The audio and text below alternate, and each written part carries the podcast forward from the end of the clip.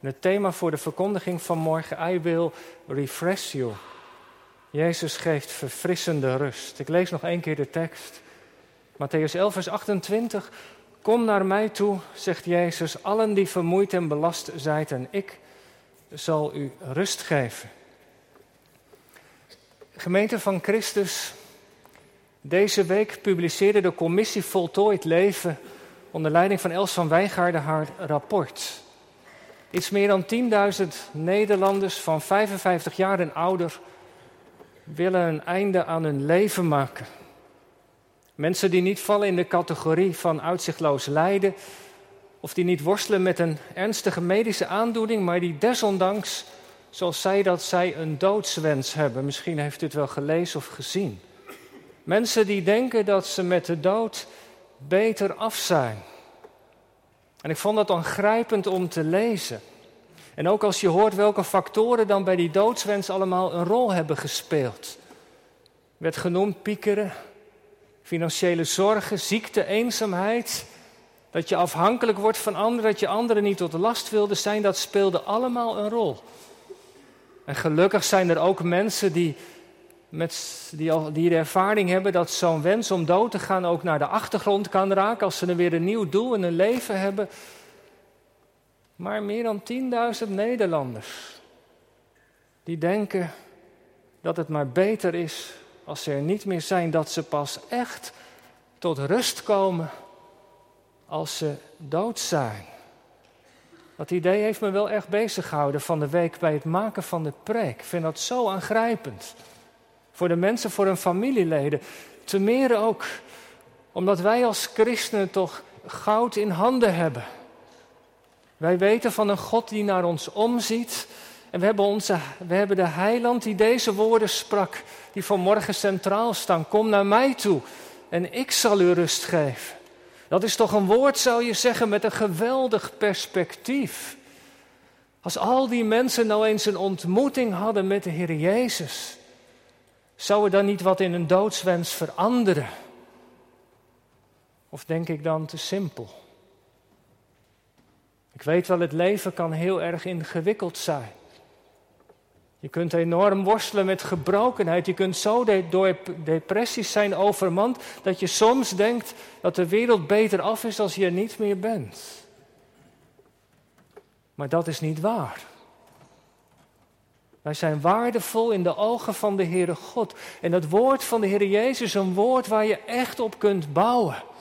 Hij is in staat om die rust te geven waar mensen zo naar verlangen. Dat geloof ik vast en zeker. We eens nader kijken naar het woord van de Heer Jezus. Als u uw Bijbel open heeft, vers 25 begint het al. Valt het niet op dat de Heer Jezus begint met een lofprijzing? Deze woorden vallen een beetje zomaar los uit het verband in dit hoofdstuk 11 hij heeft het ergens in die tijd uitgesproken. Het lijkt een beetje als een soort zwerfsteen in dit hoofdstuk te staan. Maar het zijn hele diepe woorden. En de Heer Jezus begint met een lofprijzing. Voordat hij die belofte gaat uitspreken, begint hij zijn vader te danken. En waarvoor dankt hij zijn vader dan? Nou, zegt hij, ik dank u vader dat u deze dingen voor wijze en verstandigen verborgen hebt, maar aan jonge kinderen geopenbaard hebt. Klinkt wat raadselachtig, maar Jezus doelt hier op zijn komst naar deze aarde. Hij staat daar te midden van de mensen, hij nodigt ze uit om bij hem te komen. En dat is nou precies de bedoeling geweest van God, het welbehagen van de Vader. Die weg die hij gegaan is, hij daalde neer van zijn troon om mens te zijn. Daar loopt hij onder de mensen. Dat was het welbehagen van de Vader. Het heilsplan van God ter redding van de mensen, dat was niet de vrucht van wat wijze en verstandigen bedacht hadden. De filosofie en de wetenschap van die dagen hadden dat nooit kunnen bevroeden. Dat God mens zou worden, het was niet in ze opgekomen. Maar dat was het welbehagen, het hartsverlangen van God toen hij naar deze wereld keek. Om onder de mensen te komen, zodat ze hem konden ontmoeten aanraken, zelfs zodat ze naar zijn stem konden luisteren. En God is mens geworden in zijn zoon, de Heer Jezus. Zozeer Dat jonge kinderen zelfs bij hem mochten komen, dat hij hen de handen op heeft gelegd en gezegend. Hij heeft zichzelf aan jonge kinderen bekendgemaakt. En via de Heer Jezus is de liefde van God en de vergeving van God naar ons mensen toegekomen. En als de Heer Jezus daar dan staat en hij nodigt alle mensen uit, dan is dat dus het welbehagen, de wil van de Vader. De Vader en de Zoon zijn één. Kom naar mij toe, allen die vermoeid en belast zijn. Let even op dat woordje allen. Het woord van de Heer Jezus geeft te denken. Ik dacht altijd, hij richt zich tot de mensen die vermoeid en belast zijn. Nou, dat zijn onder ons misschien niet alle, dat is een deel van de mensen. De uitleggers wijzen erop dat het woordje alle betrekking heeft op alle mensen. Dat is een universele uitspraak. En dat zat al natuurlijk aan het begin van vers 25. Ik dank u, Vader, hoe heet de Vader? De Heere van de hemel en de aarde. Hij die de schepper is van heel deze wereld, van alle mensen. En hoe kijkt God naar deze aarde? Hoe kijkt hij naar de mensen die daarop wonen? Als God kijkt naar ons mensen, dan ziet hij mensen die vermoeid en belast zijn. Hij ziet mensen die rust nodig hebben, die zo druk zijn met van alles en nog wat, maar die rust zelf niet kunnen vinden, die moeten ze ontvangen. Een rust die alleen de Heer Jezus kan geven. En als je wat eh, kijkt aan het begin van het hoofdstuk, hoofdstuk 11 aan het begin, dan lezen we bijvoorbeeld dat er allerlei mensen naar de Heer Jezus worden toegebracht. Het zijn allemaal mensen met een beperking. Blinden, doven, lammen, melaatsen. En dat zijn mensen waarvan je zegt, nou ja, dat zijn inderdaad mensen die Jezus nodig hebben. Daarvoor is Hij gekomen. Nee, niet alleen voor hen, maar ook voor al die anderen. Allen. Jezus strekt het hier breder. Want als gevolg van de zondeval ligt heel ons menselijk bestaan onder de straf van de dood. En sinds de Hof van Ede, sinds de zondeval, zijn we mensen die worstelen met de dorens en de distels. Daar weten we toch van. Van moeite en pijn. Van smart. Van hopeloosheid, van zonde en wonde. En voor al die mensen is Heer Jezus gekomen. Voor mensen die leven buiten het paradijs. Voor hen en dus ook voor ons. Jezus staat daar te midden van al die mensen. En hij zegt tegen ze: Kom maar hier. Met die vermoeienis. Kom maar bij mij met die dingen die je afmatten en uitputten. Waardoor je geen hoop hebt. Dat wat je hart zo onrustig maakt, waar kun je aan denken?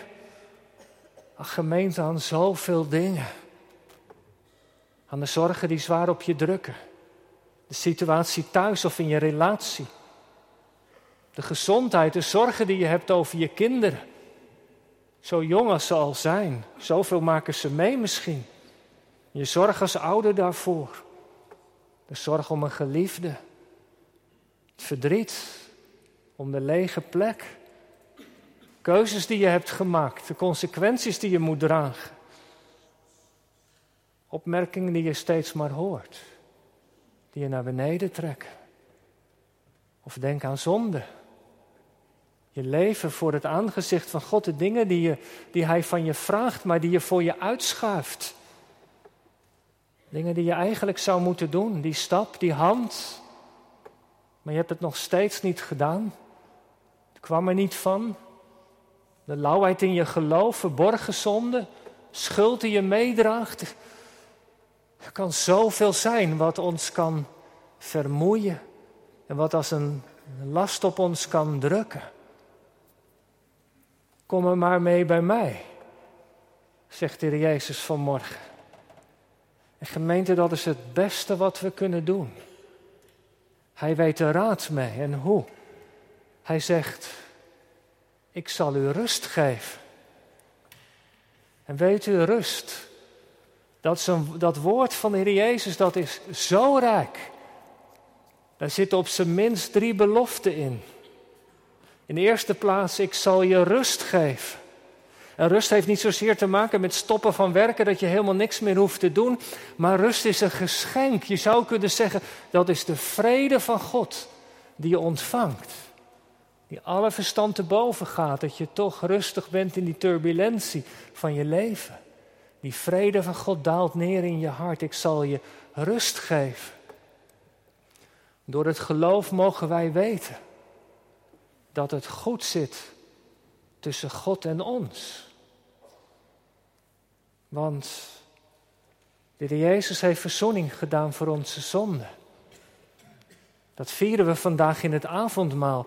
De Heer Jezus heeft de last van mijn leven gedragen. Hij is de dood ingegaan om mij het leven te schenken. Hij in mijn plaats. En door het geloof ontvangen wij vrede aan tafel. Gelooft u dat? Dat die eenvoudige tekenen van brood en wijn zo krachtig zijn. Dat Hij daarmee je hart aanraakt en dat die vrede komt. Aan tafel mag je zitten en je ziel komt tot rust. Ik zal je rust geven. Die woorden klinken in je oren na. Het is volbracht. De zwaarste last is gedragen. En er is nog iets, het tweede. Die rust is ook dat de Heer Jezus zijn schouders zet. Onder je probleem, onder die zorgen. Hij zegt: Neem mijn juk op je. Dat is, kom maar bij mij onder mijn juk. En ik heb die tekst altijd lastig gevonden om te begrijpen, totdat ik het in Chili een keer zag. Twee ossen die liepen door de straat met een balk over hun schouders, met twee uitsparingen. Met een juk waren ze aan elkaar verbonden. En de sterkste os droeg de zwaarste last. En dat is het geheim. De Jezus draagt de last van ons leven. De moeite en de zorgen, de zonde en de wonden, dat leven buiten het paradijs. Jezus zegt, breng het maar bij mij. Ik zal het dragen. Ga niet alleen door het leven, die last is u te zwaar, kom maar bij mij. En het derde, ik zal je rust geven. De uitleggers wijzen op dat woordje dat het zoiets moet betekenen als verfrissen. Refresh. I will refresh you. Zoals de herder in Psalm 23, hij verkwikt mijn ziel. Dat doet hij aan tafel. Hij geeft je nieuwe kracht. Hij vult aan wat, wat er ontbreekt, zodat je weer verder kan. De week in. En gemeente, zo wil de Heer ons zegen aan zijn tafel vanmorgen met dat drievoudige belofte. Ik zal je rust geven. En weet u, neem dat woord maar mee de week in.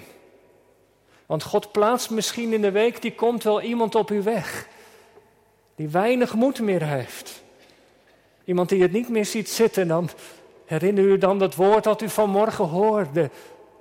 En dat mag u doorgeven. Ik ken iemand die heeft gezegd: Ik zal u rust geven. Dat is een woord voor ons, maar ook een woord om door te geven. Doe dat alstublieft. Elke keer weer. Totdat Hij komt. Amen.